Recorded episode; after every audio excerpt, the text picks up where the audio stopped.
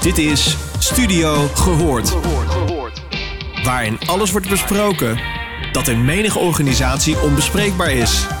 Uw gastvrouwen zijn Jorine Beks en Orlie Polak. Welkom luisteraars, het is weer uh, tijd uh, voor een uh, mooie podcast. Dit keer zijn Jorine en ik alleen. maar wil de pret niet drukken, toch? Ik wou net zeggen.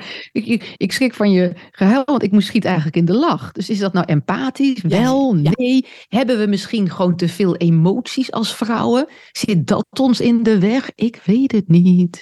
Nee, emotie is een andere vorm van denken. Ik uh, zit tegenwoordig weer in de collegebanken met uh, gedragspsychologie.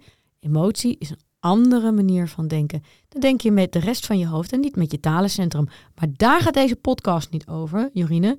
Deze podcast gaat mm. over alle ontwikkelingen omtrent vrouwen naar de top. Of moeten we zeggen, worden ze op de weg? Toch? Nou ja, wat, wat, wat, ja, nou ja wat jij, wat jij, waarom ik het wel even aangeef over emoties, want het is wel een dingetje, hè?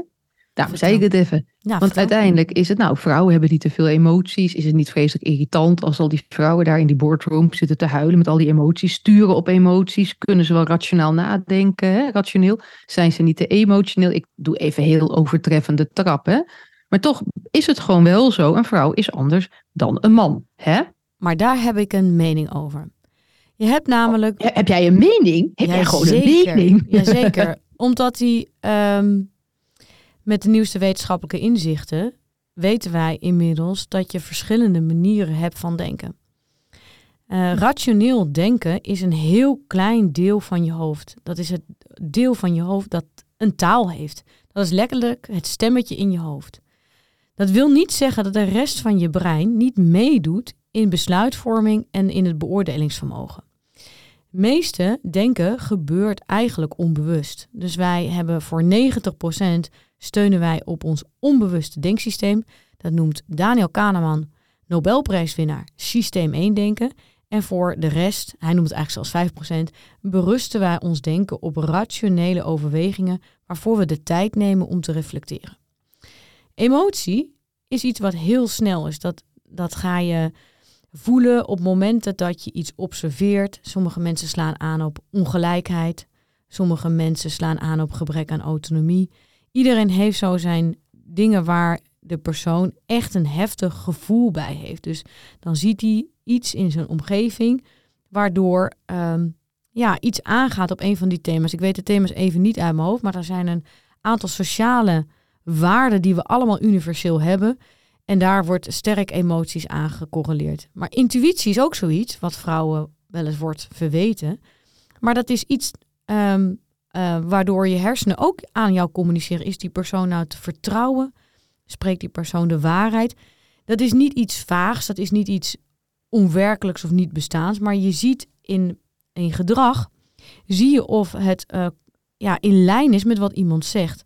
Dus als jouw intuïtie observeert dat de persoon het A zegt, maar B doet.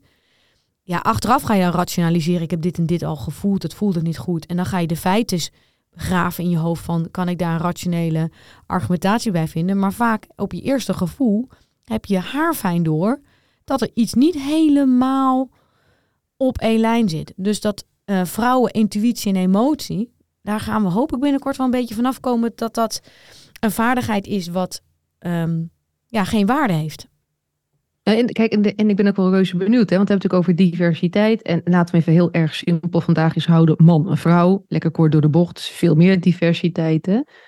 Maar is het dan ook zo, weet jij dan ook of vrouwen dat beter kunnen op intuïtie uh, acteren dan mannen? Is dat uit het onderzoek? Ik heb er ook wel een idee bij, maar. Volgens mij niet.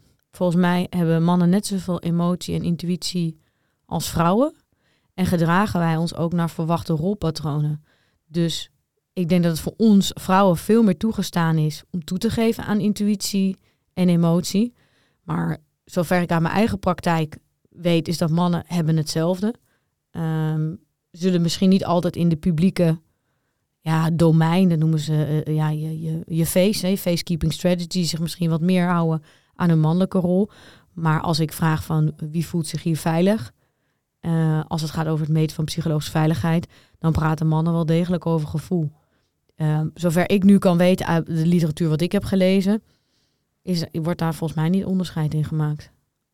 Ik kan me herinneren dat in ons boek dan, hè, Jacqueline van Onsenoord aangeeft dat uh, mannen niet echt hebben geleerd, precies wat je zegt, vanuit rolmodel, om het serieus te nemen of om er aandacht aan te besteden. Dus het is natuurlijk wel iets, heb je het ontwikkeld of niet, en heb je de kans gekregen om het te ontwikkelen in ook je opvoeding, hè, hoe je groot bent geworden vanuit je jeugd, mocht het er zijn. Er zijn volgens mij zelfs allemaal boeken over waar dat vandaan komt. Wat ik wel eens denk, is dat wij vrouwen, als je gaat kijken naar inleven, naar reflectie, naar acteren op de emoties van de ander, het me ook niks zou verbazen, maar ik heb niet zo 1, 2, 3 een onderzoek paraat, dat dat ook mede komt omdat we natuurlijk door de jaren heen, we als grote groep, moeders zijn.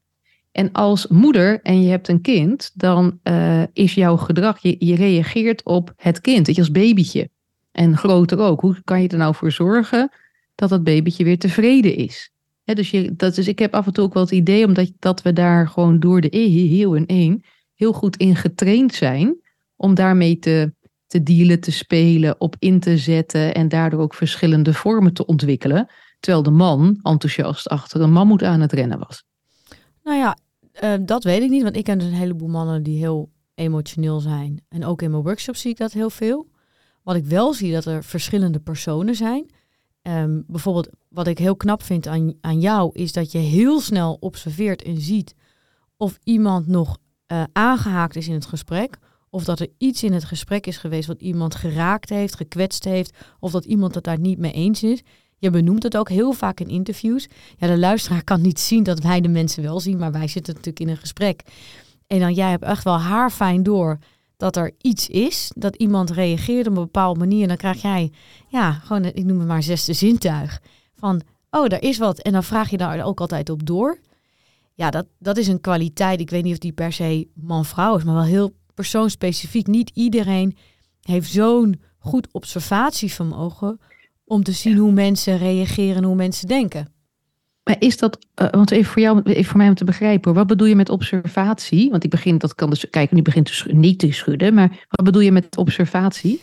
Nou, jij merkt en ziet aan iemand of iemand nog in het gesprek is. Dus als het zeg maar een gevoelig onderwerp uh, is, zie je veel sneller of die persoon daar nog over zou willen praten, of dat die persoon eigenlijk dit te ver vindt gaan, het net niet vindt kunnen. Dus je hebt dan een soort, ik noem het dat fingerspitsen gevoel over Gaan we over iemands grens? Zitten we nog bij de bandbreedte? Voelt iemand zich nog prettig in dit gesprek? Is er nog harmonie? Of schuurt het ergens?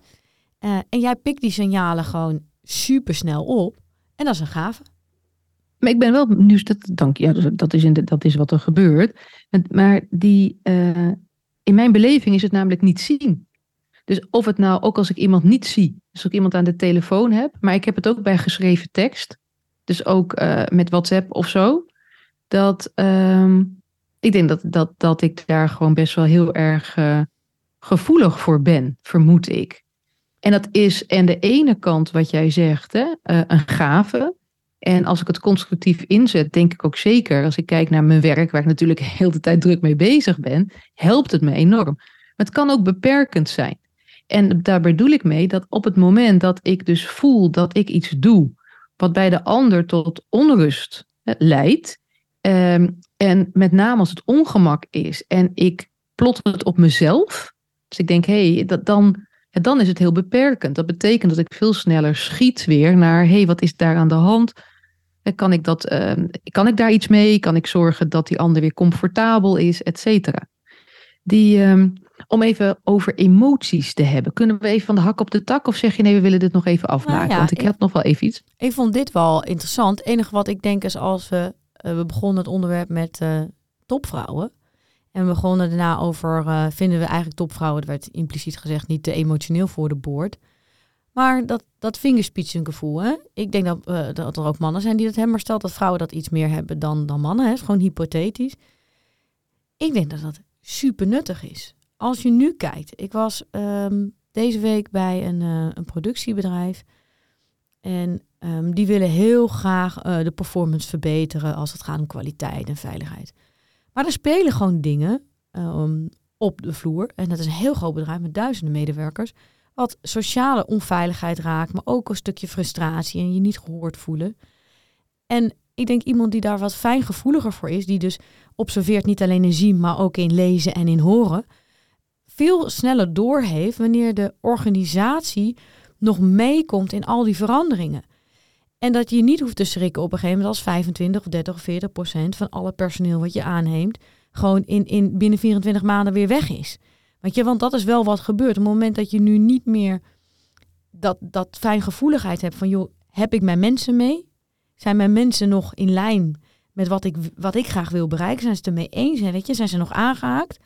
Als je dat niet voelt, ja, dan word je elke keer voor een verdongen feit gesteld. En van dan zeggen mensen, ja, maar ik heb geen zin om voor jou te werken. Ik voel me niet gehoord, ik voel me hier niet op mijn plek. En ik denk juist dat een beetje nou, van dat emotie en dat intuïtie in een boord, eh, nu in deze tijd met een arbeidstekort en mensen ook heel graag willen dat ze gezien en gehoord worden, dat welzijn wordt steeds belangrijker onderwerp. Ja, ik denk dat het een gemiste kans is voor bedrijven als ze geen topvrouwen hebben. Nee, daar ben ik het, het uiteraard mee eens. Ik was vandaag ook bij een uh, productieorganisatie. Uh, ja, en, um, en daar kwam het ook ter sprake. Hè, van als je, hoe, waarom ontstaat iets? En, uh, en welke signalen zijn er? En hoe kun je ermee dealen voordat het, zeg maar, escaleert? wat je zegt inderdaad uh, vanuit topvrouw. Maar kijk, ik heb er wel bepaalde zorgen bij. In die zin, ik geloof helemaal, wij zijn het eens. Hè, en het is enorm van toegevoegde waarde. Uh, maar hoe kom je daar en hoe zit die maatschappij en wat doen wij in Nederland en wat zijn rolmodellen? En uh, dus aan de ene kant zeg ik ja, natuurlijk, helemaal mee eens.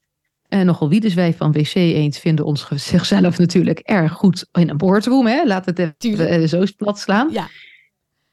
Als wij dat nou vinden als Nederland. Hè, en als je dan kijkt naar het kabinet en je kijkt naar die Tweede Kamer. En ze hebben bedacht van die vrouwenquotum. Dan zou je denken dat we dat met z'n allen echt vinden. Maar willen we het ook echt? Want als je het echt wil, dan moet je iets anders gaan kunnen. En daar heb je lef en moed voor nodig. En, uh, en als ik dan terugdenk naar het nieuwtje, hè, om het toch maar even lekker te verkleinen, van de week, dan is dat uh, de huldiging van dat vrouwenteampje hè, van Ajax. Ik doe het expres zo verkleinend, want het is toch van de zotte dat uh, we met z'n allen ja, accepteren dat ze niet gehuldigd worden. En dat dus niemand opstaat, echt opstaat, hè? vanuit bijvoorbeeld de Tweede Kamer. Dat daar niemand is die zegt, ben je nou helemaal koekoek? Dit is niet het beleid. Dit is, gaat helemaal in tegen alles wat we inzetten. Want aan de ene kant bouw je het op. En aan de andere kant verbrijzel je gewoon enige hoop op op zijn minst enige vorm van gelijkwaardigheid. En dan heb ik het nog niet over die leuke cijfers die worden verteld, dat het heel logisch is dat de loonkloof tussen mannen en vrouwen, dat duurt even. Dus in 2000, weet ik wel, 83 of zo, hebben we toevallig hetzelfde loon. En als je dan kijkt, inderdaad, wat jij net zegt, Orly, we hebben alle hens aan dek nodig van iedereen.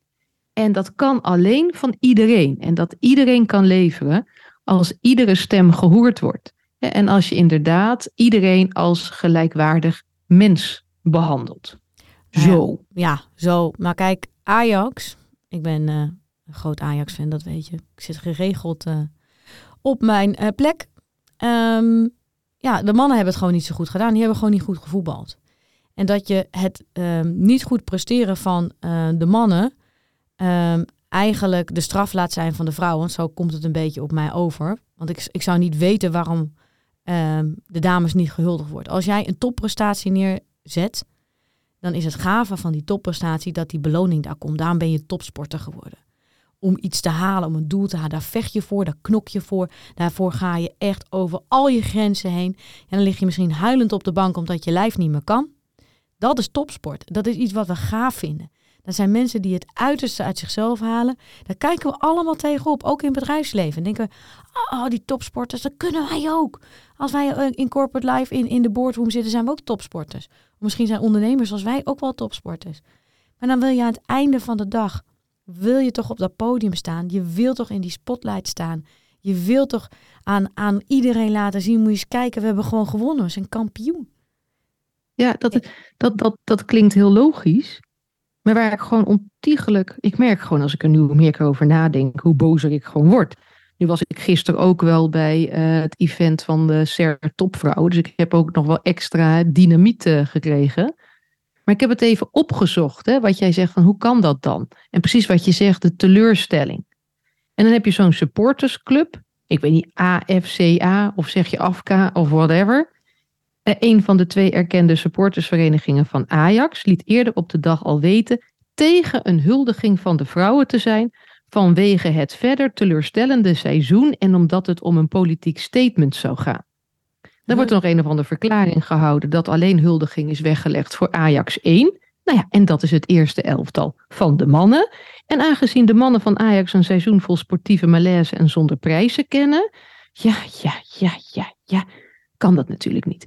En wat dat bij mij doet, hè, zodra een vrouw in het licht komt te staan en de man in de schaduw, daar gaat niet. Dat wordt gewoon niet geaccepteerd door de huidige maatschappij. Ik ben inmiddels zover dat ik denk, waarom zegt prins Constantijn niks? Waarom zegt onze koning niks? toon is wat lef, wat moed. Om, ga er zelf heen. Geef ze allemaal een lintje, lieve koning. Ja, nou ja, ik weet dat bij Ajax komen er maar 8% vrouwen in het stadion. En ehm, ja, je mag hier geen vieze woorden uh, zeggen, maar ik vind er wel wat van. Ik vind het echt gewoon echt heel kinderachtig. En wat laat je jezelf toch kennen? Sorry hoor, maar ik vind een, een Ajax ziet is niet you only sing when you're winning, hè? Is toch echt gewoon, je staat toch ook achter je club, ook als we slecht spelen. En zo slecht hebben ze niet gespeeld. Ze hebben geknokt dit seizoen. En wat zegt dit nou de mannelijke spelers? Van joh, we zijn zo teleurgesteld in jullie dat we überhaupt er niet meer over willen nadenken. We gaan terug in onze grot en dan gaan we heel boos zijn over het feit dat we een keertje geen kampioen zijn. Ik vind het echt super kinderachtig. Weet je trouwens, dat, dan zeg je nog iets, was ik helemaal vergeten. Hè? Die, dat elftal, die enorme, momenteel iets wat sukkelige elftal, sorry Orly, van Ajax. Met die mannen, die zogenaamde hè, Ajax 1. Wat doen die dan? Want uiteindelijk zijn het in dit geval de mannen die het verschil kunnen gaan maken.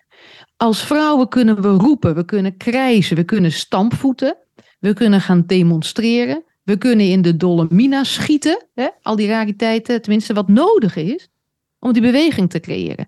En gisteren was de voorzitter van CER, Kim Putters, die gaf ook best een hele inspirerende speech. En die riep daar ook toe op. Het, het is nodig dat er een ander systeem ontstaat. Het is nodig dat niet alleen de vrouwen, maar ook de mannen op gaan staan. En zeggen genoeg is genoeg. En nu wordt het anders. Nou, ik uh, geloof soms in karma. He, zeggen wel eens karma is een bitch. Maar ik, ik, had, ik geloofde er nog in voor zondag. Echt waar. Ik geloofde erin dat de voetbalgoden met ons waren. Maar als je dan dit soort dingen hoort, denk ik, zondag, dan krijgen we een uh, poepie van eigen deeg hoor. Dit, uh... Maar dan heb je over dat, het, dat, het, dat de mannen niet goed speelden. Bedoel je dat? Nou, zondag hebben we nog één kans om de, om de Champions League te halen. Ja. Maar ja, als je zo je... kinderachtig over topsportende vrouwen bezig bent, en dan denk ik, ja, uh, ik hoop dat er geen karma is, want anders krijg je hem zondag echt wel. Ja, ja nou ja, ik, ik, ik, het, eigenlijk interesseert het me geen één sikkepit meer. Hoe dat gaat met die mannen. Jo, weet je, als die mannen echt ballen hebben, dan trekken ze hun mond open. Maar ik denk gewoon dat dat helemaal mist. Misschien moeten alle mannen eens schaamlippen kweken. Misschien dat er dan wat meer lef en moed ontstaat. Misschien dat er dan eens een keer wordt begrepen hoe dat is om op die barricade te moeten staan, om te schudden aan bomen, te trekken aan jasjes, te krijzen, te krabben, te doen, om ertussen te komen. En natuurlijk snap ik, het kost tijd, zeggen ze allemaal. En natuurlijk moet je daar iets voor doen. En uh, wees gewoon goed en dan kom je er wel. En dan blijkt dus dat het niet zo is. En dat vind ik ook de grootste teleurstelling hierin we dachten nog even, weet je, daar heb je het dan over met, met vriendinnen. Oké, je moet als vrouw wat harder je best doen dan de mannen, maar hè, fuck it, dat doen wij. Hè, we nail it.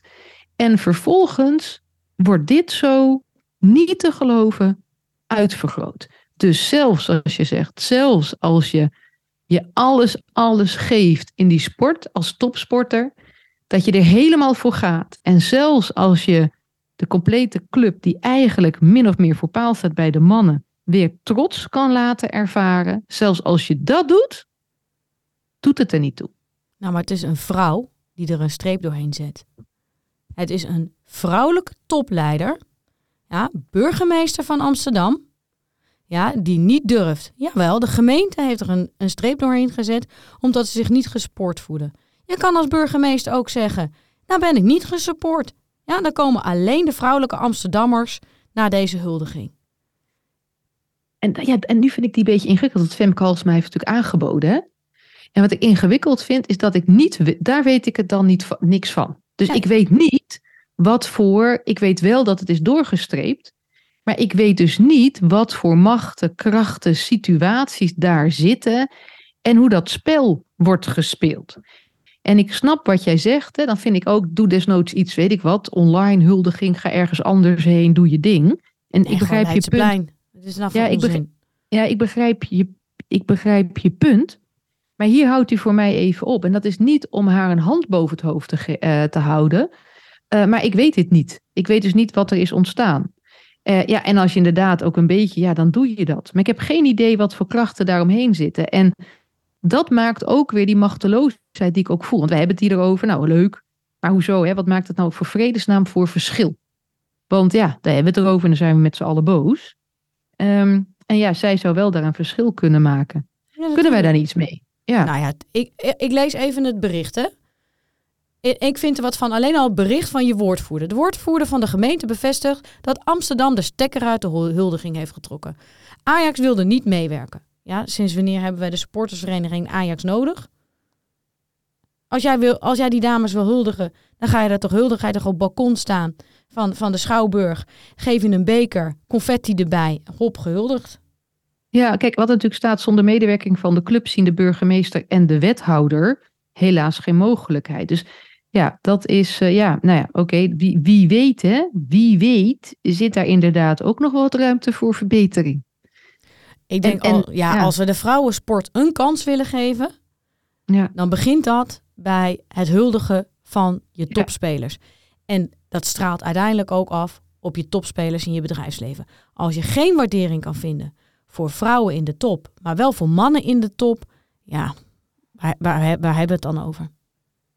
Ja, en, en, dat, um, en, dat frustreert mij, ook als ik erover heb met mensen. Die kunnen ook nog heel vaak zeggen, ja Jorine, maar het heeft heel lang geduurd hè, voordat jullie dan eindelijk dan stemrecht hadden. En het heeft best heel lang geduurd hè, voordat jullie eindelijk mochten werken, ook als je ging trouwen.